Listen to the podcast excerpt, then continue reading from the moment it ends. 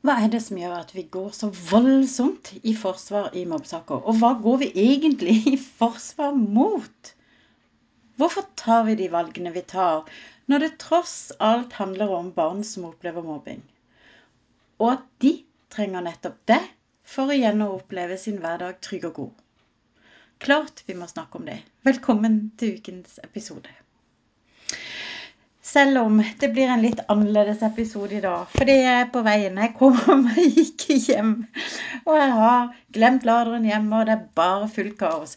Så jeg håper allikevel at jeg skal kunne by på noen gode tips i møtene som er mellom barn og unge som opplever mobbing.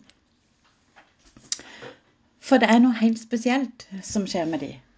Vi har tidligere i episoden du, om eh, mobbingens konsekvenser snakka om de biologiske eller helsemessige endringene som skjer i hjernen til barn. I dag tenkte jeg skulle holde meg mer praktisk. Selv om både skole og hjem kjenner barnet godt i forkant, så bærer ofte erfaringene med mobbing med seg endringer hos barn, er det jeg erfarer. Når en rokker ved barnas trygghet, f.eks.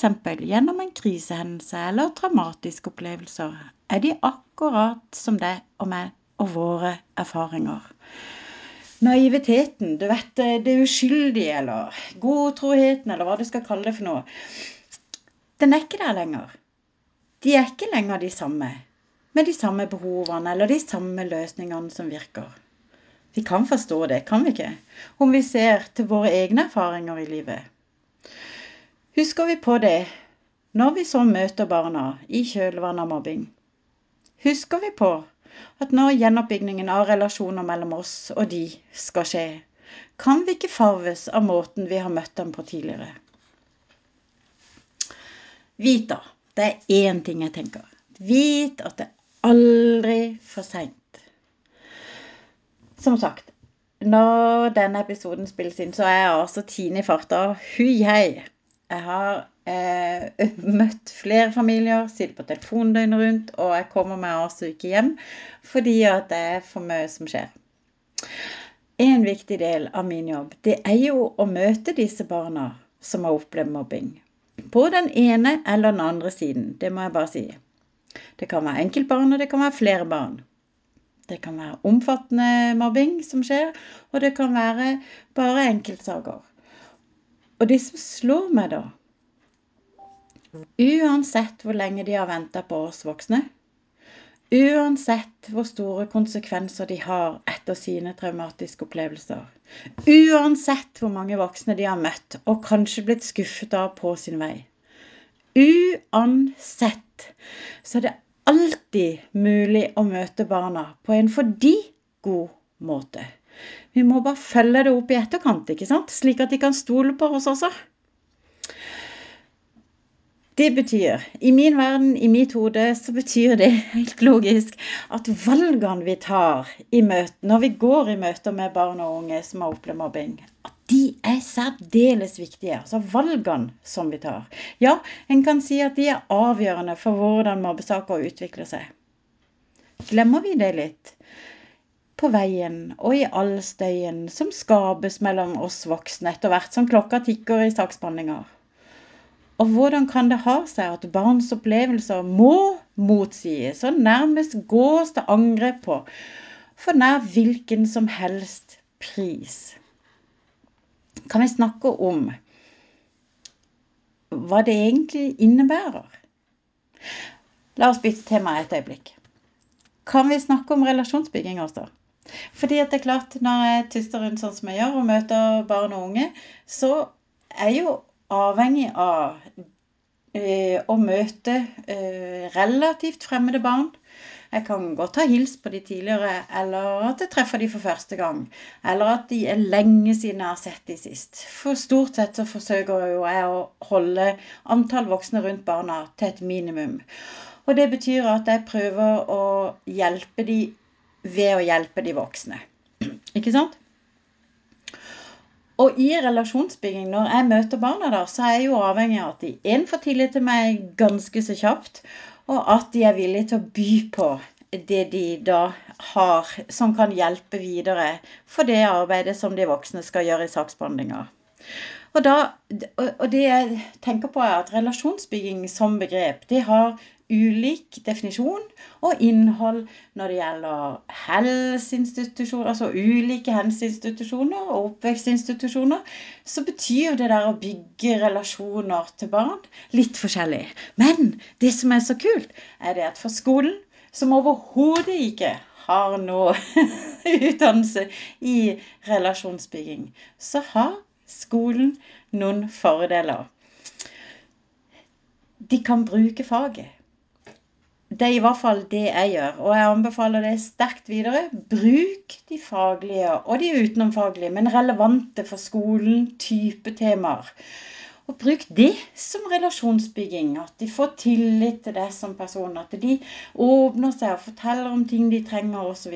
Men hos meg så skulle det tilsi, hvis en tar alle de voksne barna har møtt, så skulle det tilsi at de ikke ville si et kløyveord til meg.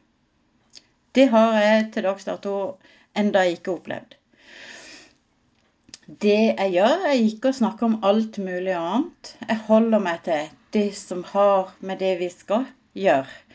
Men jeg kan godt tøyse, for, all del. Jeg elsker å tøyse. Men, men det skal handle om grunnen til at vi er der, ikke sant? Og det samme tenker jeg at det er en sånn god ting for skolen å gjøre. Og når spesialpedagoger eller lærere forteller meg at de driver med relasjonsbygging og er ute i skauen eller på fisketur eller på båttur, eller, og de snakker om alt mulig annet, og barna skjønner ingenting, for hvorfor i all verden skal de dele hvem de har sett som venner, hvorfor de gjør ditt og hva for datt, som jeg går på fritidsting, så, så tenker jeg, men bruk nå all den informasjonen man har, eh, som er tilknyttet skole, som kan få opp på hvilken måte og, og hvordan en kan klare å justere. Så er det jo sånn at hvis en er så heldig, da, at en får noen eksempler på hvor barnet mener at skoen trykker litt. Hvis en er så heldig, så går det jo på dette her med å ta med seg enkelteksemplene. Uh, og, og, heve seg over de, abstrahere opp, og så tolke de, eller oversette de til hva det betyr for hvordan vi som voksne må tilrettelegge rundt barna for at vi skal klare å gjøre noe med den opplevelsen som barna har, tenker jeg da. Hovedoppgaven eh, i det å gjenopprette trygge og gode skolemiljøer, det inkluderer jo absolutt relasjoner. Eksisterende relasjoner, men også nye relasjoner. Fordi barna kan ha behov for helsehjelp som gjør at de trenger nye voksne i andre institusjoner som hjelper. Og så er det så mange som sier at ja, men læreren må fikse relasjonsbygginga, det må de finne ut av sjøl. Ikke sant? Og da spør jeg, og, og jeg har i grunnen svart litt på det, så det blir jo litt sånn kleint, da, men det er nå det punktet har på min lille gullapp. Hvem sier at lærerne er flinke på antimobbearbeidet? På å vite hva barna trenger? Ha løsninger klare og ferdighetene som trengs for å snu miljøer. Og Grunnen til at jeg stiller et sånt spørsmål, er fordi at ingen andre stiller dette spørsmålet. Og så skal jeg si jeg sier det ikke for å kritisere, Overhodet ikke, for da tar jeg med meg sjøl i dragsuget.